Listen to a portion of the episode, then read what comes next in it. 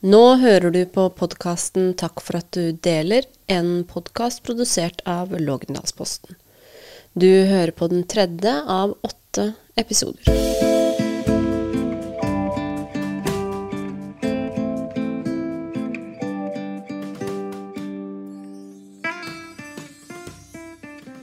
Hjertelig velkommen til podkasten Takk for at du deler. Mitt navn er Linn Kristin Djønne, og i dag så har vi med oss Sofia Anastasia Labaho. 13.10 i 2021 var Sofie og kjæresten på vei til Coop Extra på vestsida i Kongsberg for å levere en pakke. Da de sitter i bilen på vei til butikken, så aner de ikke at denne kvelden kommer til å forandre livet deres for alltid. Sofie, hjertelig velkommen hit, og takk for at du har lyst til å fortelle din historie. Takk. Har du lyst til å eh, fortelle hva du opplevde den ettermiddagen, var det vel? Kvelden? Vi hadde vært en tur i Drammen på en ærend. Eh, Jeg hadde på den tiden en hest i Hokksund, så vi hadde vært en tur innom den og hilst på den. Eh, Når vi skal dra, så får jeg en melding på posten at jeg kan hente en pakke. Eh, Og kjæresten min hadde en pakke hjemme som han skulle sende. Um, Så vi kjører da tilbake til Kongsberg. Uh, Vi er en liten tur innom hjemme før vi drar til posten. Um, vi kjører vel hjemmefra rundt klokka seks. Uh, kjører da forbi Krona, eh, også de trange gatene i Kongsberg. Opp Hekles gate og Kirkegata, tror jeg det heter. På det tidspunktet når vi er i krysset Pekles gate Kirkegata, så ser vi ingenting. Det er ingen mennesker i gatene som vi kan huske. Vi kjører da inn i parkeringshuset til Coop Extra-bygget. Finner oss en parkeringsluke nært døra inn til butikkene, for det er kun vi som er i det parkeringshuset.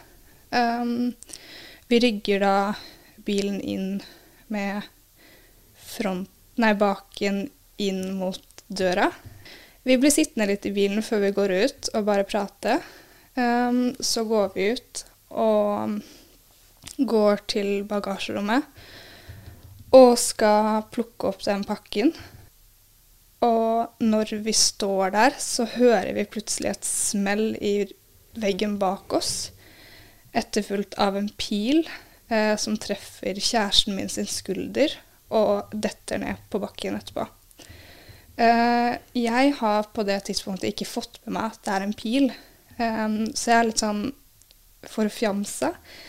Eh, hvor jeg liksom ser meg litt rundt og ser opp i taket om det kan være en fugl eller et fuglerede som har falt ned. Kjæresten min har jo da fått øye på eh, gjerningspersonen som står i inngangen til parkeringshuset. Eh, så han har jo da gått i dekning bak bilen. Jeg har jo ikke fått med meg at han har gått i dekning eller noen ting. Han ble bare plutselig borte. liksom. Jeg skjønner ikke hvor han ble av. Eh, så snur jeg meg og får øye på gjerningspersonen som står eh, i garasjeportåpningen. Eh, det første jeg tenker, er at han har på seg singlet. En hvit singlet. Det er oktober, det er litt sånn kjølig. Eh, han har ikke på seg sko. Eh, kort hår, nesten ikke noe hår på hodet. Han virker litt sånn stressa, litt sånn oppjaga. Og så legger jeg også merke til at han har en gigantisk pil og bue på brystet eller hofta, eller hva man skal si. Eh, den er så stor at jeg tenker at det der er ikke et leketøy. Det er noe man bruker på jakt, var det første jeg tenkte. Mm. Eh, så ser jeg jo etter hvert et sånn pilkogger med masse, masse piler. Hva tenkte du da? Jeg tenkte for det første at han har Eller sånn Han har skutt en pil mot oss. Eh, han holder på å lade igjen. Han sliter veldig med å få lagt den pila i buen. Han virker litt sånn stressa over det. Um, han skal jo til å skyte på nytt, men jeg klarer ikke å reagere. Kroppen min er helt sånn frosset fast. Jeg står bare og ser på han. Jeg klarer ikke å reagere, liksom. Enda han har tatt opp buen og skal skyte på meg. Uh, er det sånn at uh, pila eh, kommer nær eh, kjæresten din, eller åssen Um, Pila uh, treffer jo først veggen bak oss, uh, men så spretter den i kjæresten min sin skulder. Den har mista all kraft, uh, og så ned på gulvet. Så det er jo da kjæresten min får øye på at det er en pil. Um, jeg vet jo ikke på det tidspunktet at det er en pil. Um, jeg står jo fortsatt bare og er litt sånn og lurer på hva som har skjedd. Jeg blir egentlig stående og se på han. Um, jeg ser han altså ganske godt inn i øynene, for jeg blir stående og se på han hele tiden. Eh, Jeg klarer ikke å ta vekk blikket fra han, eh, men samtidig så klarer jeg ikke å reagere. Du fryser eh, Jeg fryser helt. Mm. Um, kroppen min klarer ikke å reagere med at du må komme deg vekk. Han, han har akkurat skutt etter dere. Du, du ser at han skal lade en ny pil. Eh, han tar opp pila og sikter rett mot deg. Jeg ser han rett inn i øynene og ser at pila skal komme mot meg, men jeg klarer ikke å reagere. Kroppen min er helt fryst. Den er helt lamma, liksom. Eh, samtidig så har jo kjæresten min gjemt seg bak bilen. Vi har på det tidspunktet parkert såpass nærme døra at det er en sånn automatisk sensor som holder den oppe. ja. Så døra inn til butikken er åpen Ja. når dere står i parkeringscelle? Ja, Fordi at vi har parkert såpass nærme. Ja. Eh, så var det egentlig bare flaks at den har reagert på det, da. Eh, så han eh, tar jo faktisk fart rundt bilen og takler meg inn den Det er en sånn mellomgang som går fra parkeringshuset til butikken. Kroppen min på det tidspunktet er jo ikke forberedt på det. Eh, jeg ante jo ikke at han skulle gjøre det. Eh, så jeg klarer jo ikke å ta imot det fallet som kommer, så jeg faller jo på bakken. Så blir jeg liggende på en sånn matte. Sånn matte som skal samle opp vann, tror jeg det er.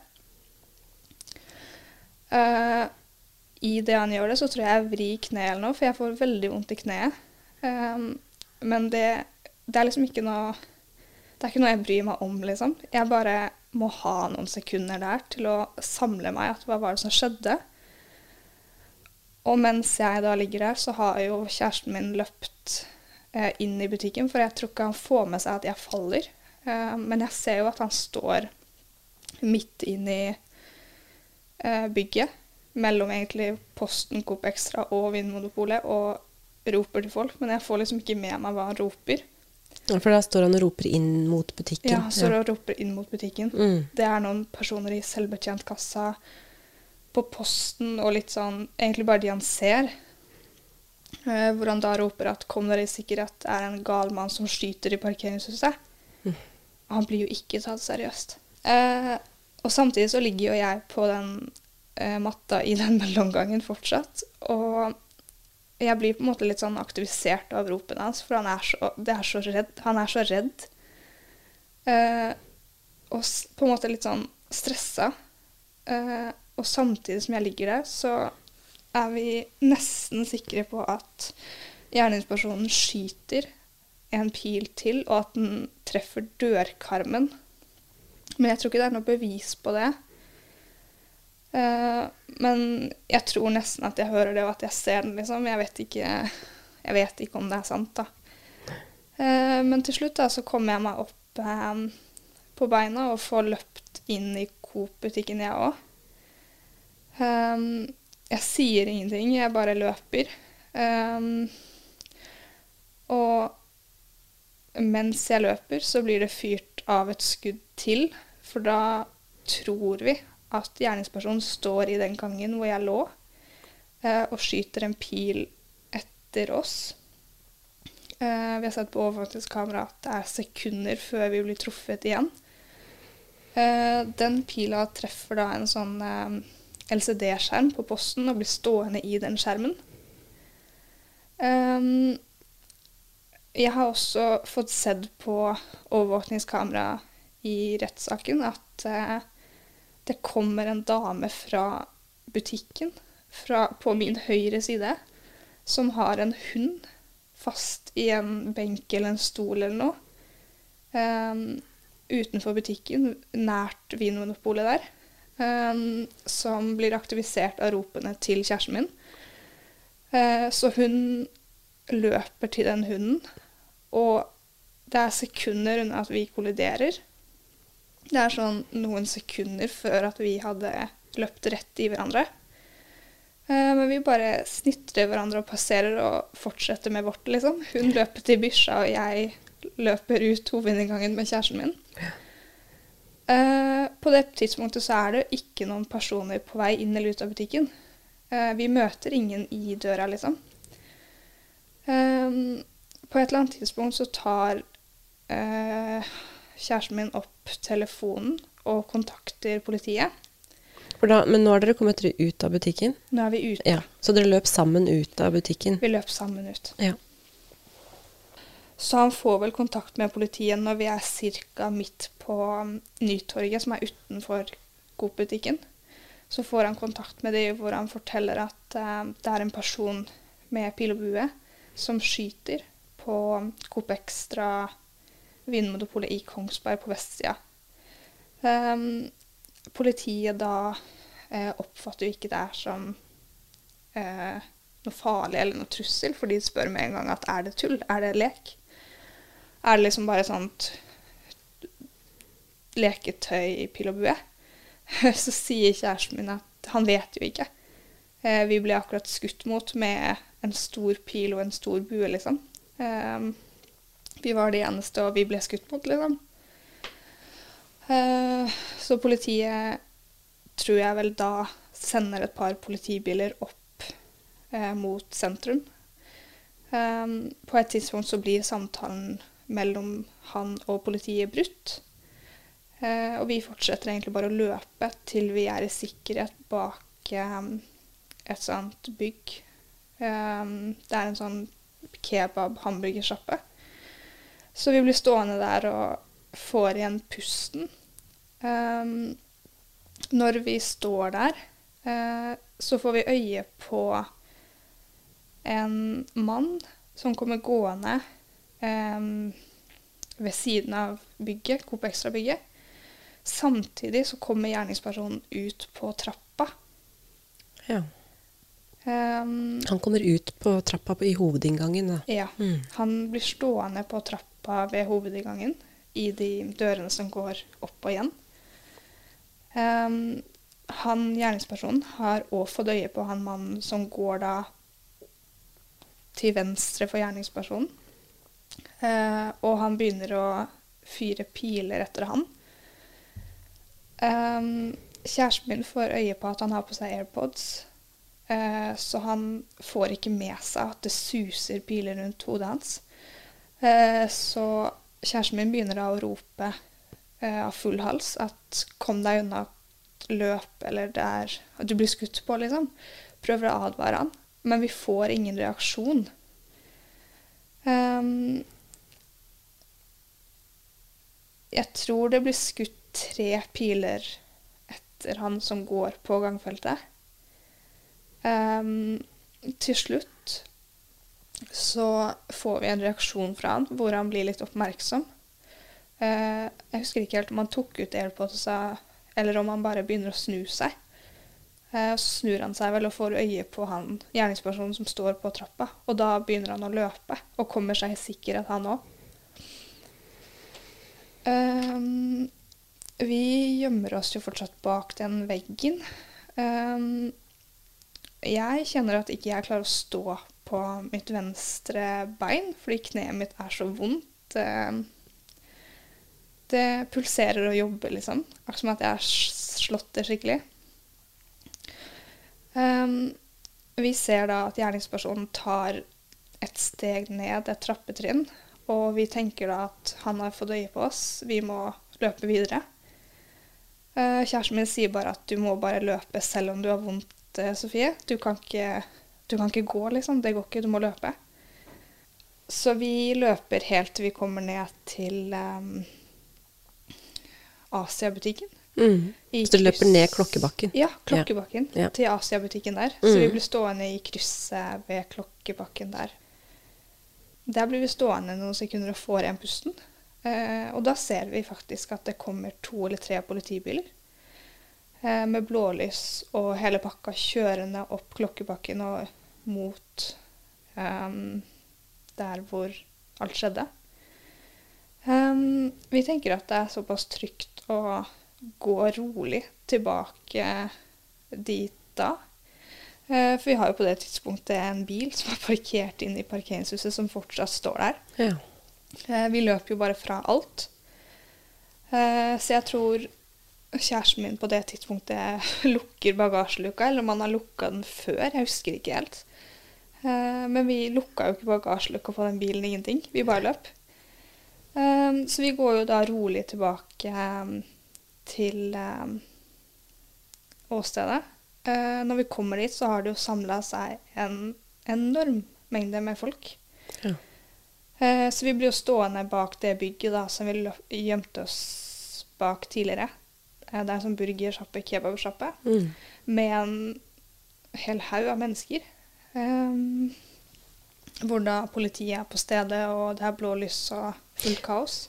Men, men da er det mennesker som står øh, og ser på politioppbudet, rett og slett? Ja, Mm. masse mennesker som har fått med seg det her og begynt å samle seg rundt området. Ja. På et tidspunkt så kommer det jo en politimann mot folkemengden og sier at dere må trekke unna, at det er ikke trygt. Eh, dere kan ikke stå i Hva blir det da? Eh, skuddlinjen for eventuelle skudd, eller ja, hva man skal si. På det tidspunktet så blir vi plukket av, opp av en venn, eh, hvor vi kan gå inn i bilen hans. Eh, så vi blir jo da Var det en som tilfeldigvis øh, kom forbi, eller var det en dere hadde kontakta? eh, Nei, han tilfeldigvis kom forbi. Han var Ja. på vei hjem. Han bor eh, rett ved det åstedet. Ja. Så han var på vei hjem og fikk øye på det her, og fikk øye på oss, da. Vi blir sittende i bilen hans. ja, dere blir sittende i bilen hans. Ja, Mm. og se, eller følge med en stund. Og vi blir jo egentlig eh, kommandert til å trekke oss unna forlate liksom hele vestsida, liksom. De prøver å på en måte Jeg vet ikke om de prøver å tømme hele vestsida for mennesker som ikke oppholder seg inne. Um, så vi kjører jo da faktisk bort fra stedet. Uh, vi kjører ned til sentrum. Ehm, men drar senere jeg vet ikke hvor lang tid det er, kanskje en halvtime, så kjører vi tilbake igjen med han personen som plukka oss opp. Eh, fordi vi er jo fortsatt veldig sånn usikre på den bilen. Mm. Eh, om den har blitt skada, eller om den fortsatt står der, om han har tatt seg inn i den, eller hva, hva Mm. som har skjedd. Mm. Eh, så vi får da til slutt kontakt med en sånn politimann, eh, hvor vi forklarer at vi var i parkeringshuset og ble skutt på der, men at vi har en bil der som vi gjerne skulle ha hatt ut, liksom. Eh, så sa politimannen da at det er et åsted at dere får ikke den bilen i dag, dessverre. At eh, dere må bare dra hjem, og så kontakter vi dere eh, senere på kvelden eller i morgen eh, når vi vet mer. Fordi per dags dato så hadde de ikke kontroll på gjerningspersonen. Nei. At det var ikke trygt å gå inn i Parisienshuset, liksom. Selv om vi bare skulle hente den bilen, da. Og på tidspunktet her så vet jo selvfølgelig ikke dere omfanget av eh, det som skjer den kvelden her. Nei, vi gjør jo ikke det. Vi tror jo bare at det her er et i gåsetegn lite En liten hendelse som har skjedd på det bygget her, da. Mm. Men eh, vi vet jo ikke at det kommer til å få så fatale konsekvenser og utfall. Og åssen er, er det nå å komme hjem da? Um, altså Hjem er jo hjem, men vi har jo eh, en hysterisk far i huset som har fått med seg hva som skjer, og lurer veldig på hva som har skjedd med oss, og om vi er OK og sånn. Um, vi har òg en som jobber på sykehuset, uh, som har fått inn masse meldinger om at det er uh, noen drepte og veldig hardt skadd um, med stikkskader. Um, og at det er òg noen som er drept. Og på det tidspunktet så skjønner ikke jeg hvordan det er mulig. Um, jeg skjønner liksom ikke hvordan det går an å bli drept av pil og bue, liksom. Jeg klarer ikke å skjønne det. Uh, og hvordan med stikkskader og sånn. Jeg, jeg visste jo ikke per dags dato der at han hadde med seg kniv. Og det var jo ikke få kniver heller. Men dere får informasjon om uh, omfanget av hendelsen gjennom da eh, selvfølgelig mediene, men også da at dere hadde noen bekjente på sykehuset. Ja. Tok politiet kontakt med dere igjen i løpet av kvelden? Eh, vi ble kontakta senere på kvelden av politiet, eh, fordi vi hadde jo den bilen i parkeringshuset. Eh, så vi ble bedt om å komme ned på politistasjonen for avhør. Eh, så jeg tror det går kanskje en times tid fra de ringer til vi skulle møte opp på politistasjonen. Um, når vi kommer til politistasjonen, så er det jo bare oss på politistasjonen. Um, og noen andre. Men på det venterommet, det er helt taust.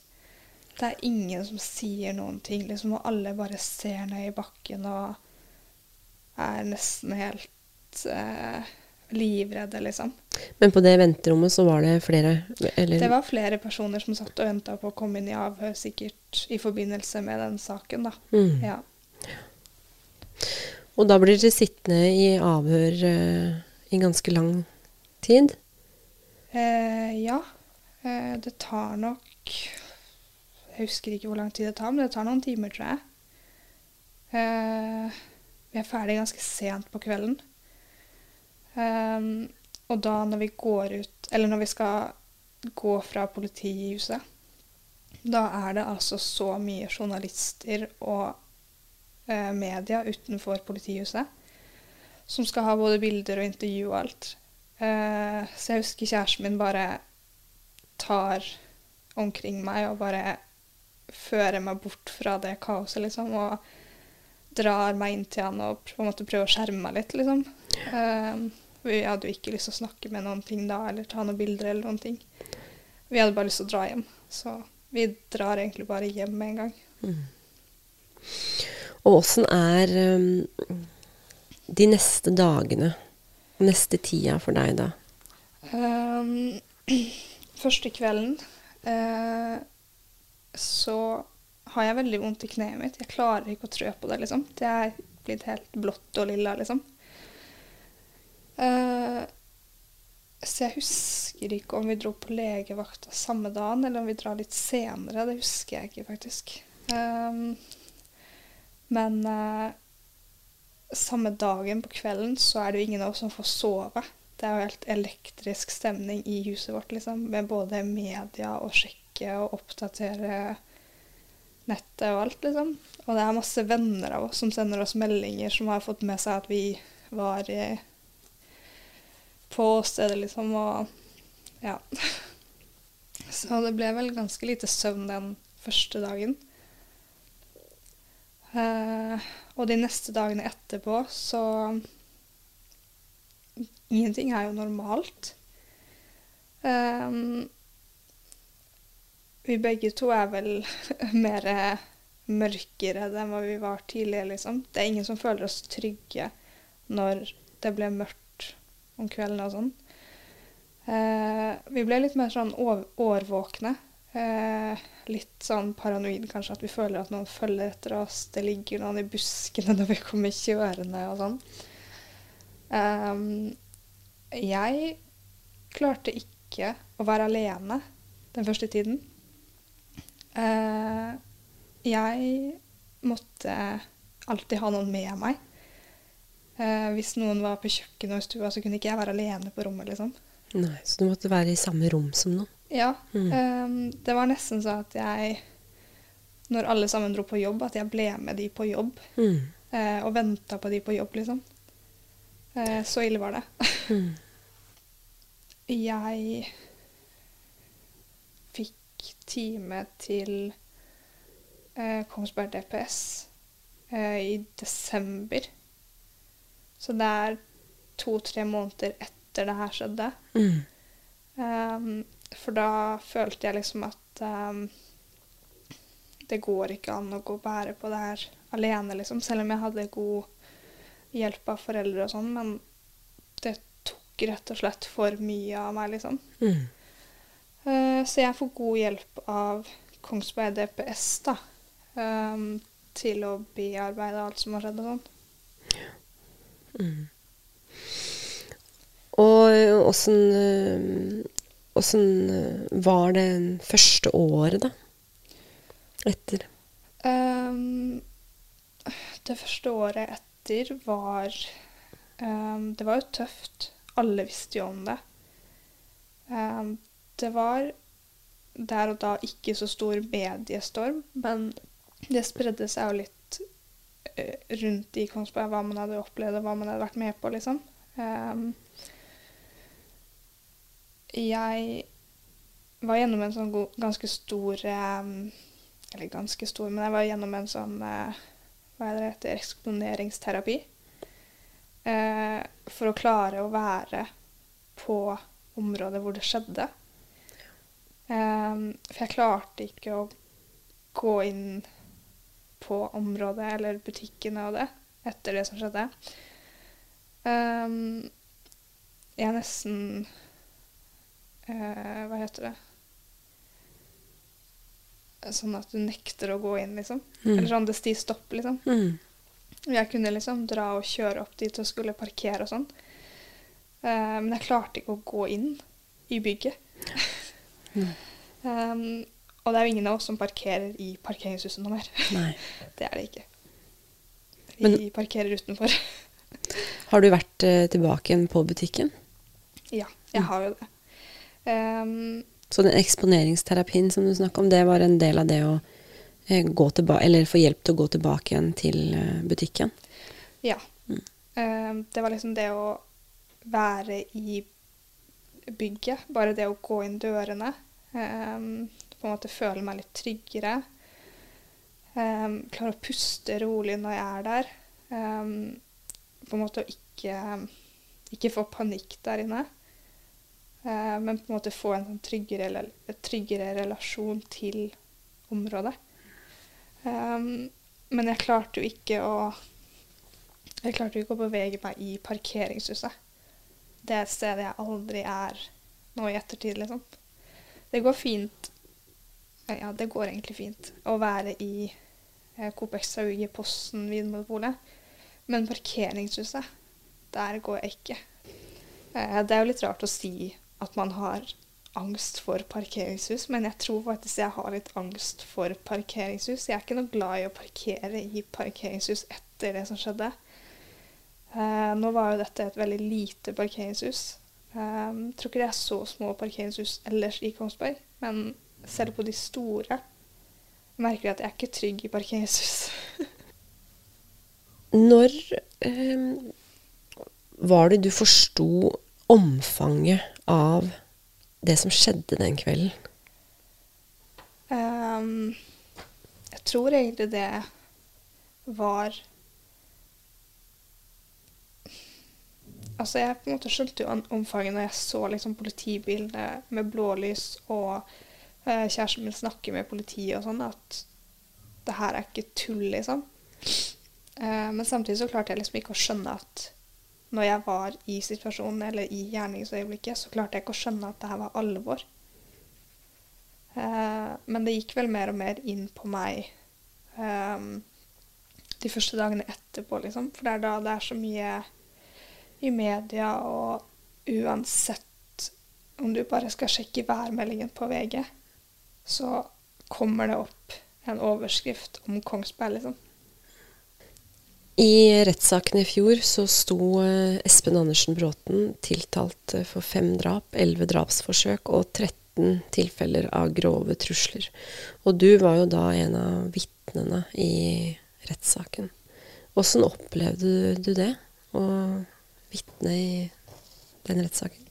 Eh, For min del så var nok rettssaken nesten litt tøffere enn selve gjerningsøyeblikket der han skyter på oss. Um, fordi Nei, fordi rettssaken Du blir kasta inn i et rom hvor du skal sitte og forklare deg eh, med gjerningspersonen i samme rom. Han sitter bare to-tre meter unna deg. Han satt på min høyre side. med sin forsvarer og politifolk og alt. Um, så rettssaken for meg var nok ganske mye tyngre enn det å faktisk bli utsatt for det jeg bli utsatt for. Hvordan opplevde du å se han igjen? Altså, når jeg kom i lokalene, så tenkte jeg at det her, det går fint, Sofie. Du skal bare forklare deg. Du fikk liksom komme inn på et sånt lite rom før alt det starta. Du fikk prate med advokaten din, som jeg hadde prata med mange ganger før. Jeg fikk faktisk gå inn For jeg var jo første den dagen som vitne, tror jeg. En av de første. Så jeg fikk jo faktisk gå inn i lokalet før klokka ni. Um, og se og bli kjent og liksom vite hvor jeg skulle sitte og vite hvor jeg skulle gå. Vite hvor Espen satt. Og. Fikk liksom sånn god informasjon og tenkte at det her, det går så fint, liksom. Og det er ikke noe, er ikke noe sak, liksom. Men i det øyeblikket advokaten min hentet meg eh, og sa da er det din tur, Sofie. Altså, jeg vet ikke hva det er som skjer med meg. Men hele magen min, hodet mitt og alt, det bare knyter seg til en gigantisk stor knute på tråden, liksom. Det, det gjorde så vondt. Det var som at jeg ble slått i magen. Um, og skulle ta de stega inn i det rommet hvor han sitter. Um, det var som å ha murstein til bein. Uh, jeg mista hodet helt. Um, så når jeg kom inn og så hvor mye mennesker det var, og hvor seriøst det på en måte ble um, Ja, uh, hva skal jeg si? Det er jo nesten litt flaut å si, men uh, dommeren spurte meg om hva jeg het, hvor jeg jobba, og litt sånn generelle spørsmål. Og jeg vet ikke om jo, jeg tror faktisk man hører det i rettssaken at jeg er nesten på gråten. Jeg klarer ikke å snakke. Jeg har en stor klump i halsen hvor jeg nesten må gråte, liksom. Og jeg må faktisk bare ta meg sammen og svare så greit jeg kan på de spørsmålene. Um, og så fikk jeg sette meg. Og da tok jeg bare sånn gigantisk stort pust ned i magen og bare måtte samle meg et lite sekund. Og så var det liksom å fortelle min historie til dommeren. Um, og da var det liksom greit. For det var liksom min historie jeg fortalte, og det, det var liksom ikke noe manus jeg skulle lese etter. Det var kun min egen historie og det jeg hadde opplevd, så da, da var det liksom mye lettere. Mm. Um, og jeg fortalte den historien jeg er sikker på uten å puste. Liksom. Det, det gikk i non stop, liksom.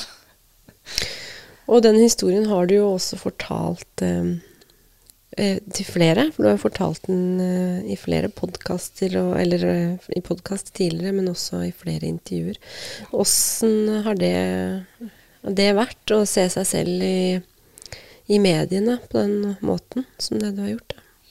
Mm, eh, når jeg var ferdig i rettssaken, så var det jo masse journalister og medier som spurte om de kunne bruke navn og bilde.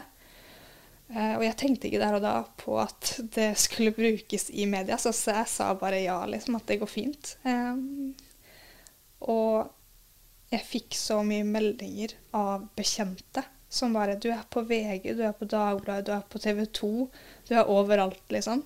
Og jeg bare 'Hæ?' Jeg skjønte ikke hva de snakka om. Uh, så da måtte jeg jo sjekke, da, og det første eh, som kommer opp når jeg går på Dagbladet, er jo et svært bilde av meg og en tekst eh, hvor det står eh, 'måtte løpe for livet' eller noe. Eh, så jeg klikker meg ikke inn på de, men jeg sjekker jo både VG, Dagbladet, TV 2, NRK. Alt. Og jeg er jo overalt. Um, så etter rettssaken så blir jeg faktisk sittende i et sånt venterom og ser på noen av de andre vitnene, for jeg ville høre hvordan de hadde opplevd det samme. Liksom, fordi vi var jo i samme bygg, det samme skjedde jo med alle. Uh, så jeg ble faktisk sittende der og se litt på rettssaken. Um, hvor det er en dame som vitner, som forteller at hun sto i selvbetjentkassa Um, og hadde blitt oppmerksom på en jente og gutt som kommer løpende ut fra garasjeanlegget. Um, hvor jenta gråt veldig. Og jeg husker ikke at jeg gråt. Så det var så, det var så rart å høre si at hun sa at jeg gråt. Mm. Jeg husker ikke at jeg gråt. Hun sa at bare tårene bare rant fra ansiktet mitt, men jeg husker ikke det. Så det var litt spesielt å høre på. Um, å høre på han mannen som gikk på gangfeltet, som ble skutt på han. Uh, hvor takknemlig han var for at vi hadde redda livet hans, og hvor han virkelig takka oss, liksom. Det var veldig spesielt å høre på det òg. Hvordan eh, har du og kjæresten din det i dag, da? Um, vi har det mye bedre. Um, det har gått såpass lang tid um, at uh, Altså, man glemmer jo aldri noe sånt her, men man lærer å legge det litt bak seg. Men det ligger jo alltid i ryggmargen. Uh, for dette er en såpass stor del av livet mitt, liksom. Det, du har jo blitt trua på livet, liksom. Han har jo faktisk prøvd å drepe deg flere ganger. Uh, men jeg har fått veldig god hjelp av psykolog til å komme meg gjennom dagen og generelt livet, liksom. Uh, hvor det har vært veldig tungt enkelte perioder. Men per dags dato så går det veldig mye bedre. Det, det blir lettere. Helt avslutningsvis, Sofie. Er det noe mer du tenker at du har lyst til å fortelle om den kvelden, eller dele? Det fikk jo et helt brutalt utfall med fem drepte i Hyttegata. Um, og når alt sto på, så visste jo ikke vi om Hyttegata i det hele tatt. Vi fikk jo vite det den kvelden eller dagen etterpå, hvor det var så stort i media om at det var fem drepte. Generelt knytta til det der så følte jeg litt sånn skyldfølelse. Fordi at vi ikke Eller jeg følte liksom det at vi ikke gikk inn, eller løp inn på Coop og fikk ut alle sammen. Så at ikke han, gjerningspersonen, hadde noen å skyte på og være så mye inn på Coop. At kanskje det hadde spart noen liv, jeg vet ikke. Men jeg, jeg bare liksom har litt skyldfølelse med det at vi ikke gjorde mer. At vi var nesten litt egoistiske og bare løp fra stedet. Liksom. At vi tenkte på våre egne liv fremfor noen andres, liksom. Så det er litt sånn ekkel følelse jeg har hatt, men det har jeg også fått veldig mye hjelp til. Til å bearbeide og sånn. Men det, det satt veldig lenge i meg at vi kunne gjort Vi kunne sikkert gjort så mye mer for å hjulpet andre, eller spart kanskje noen menneskeliv. Men så gjorde dere også veldig, veldig masse. Ja, det, det gjorde vi. Um, det var jo flere som ble oppmerksomme på oss og kom seg i sikkerhet, liksom. Ja, det var det. Sofie, tusen takk for at du hadde lyst til å fortelle historien din også til Lågendalsposten sine lyttere. Takk skal du ha. Vær så god.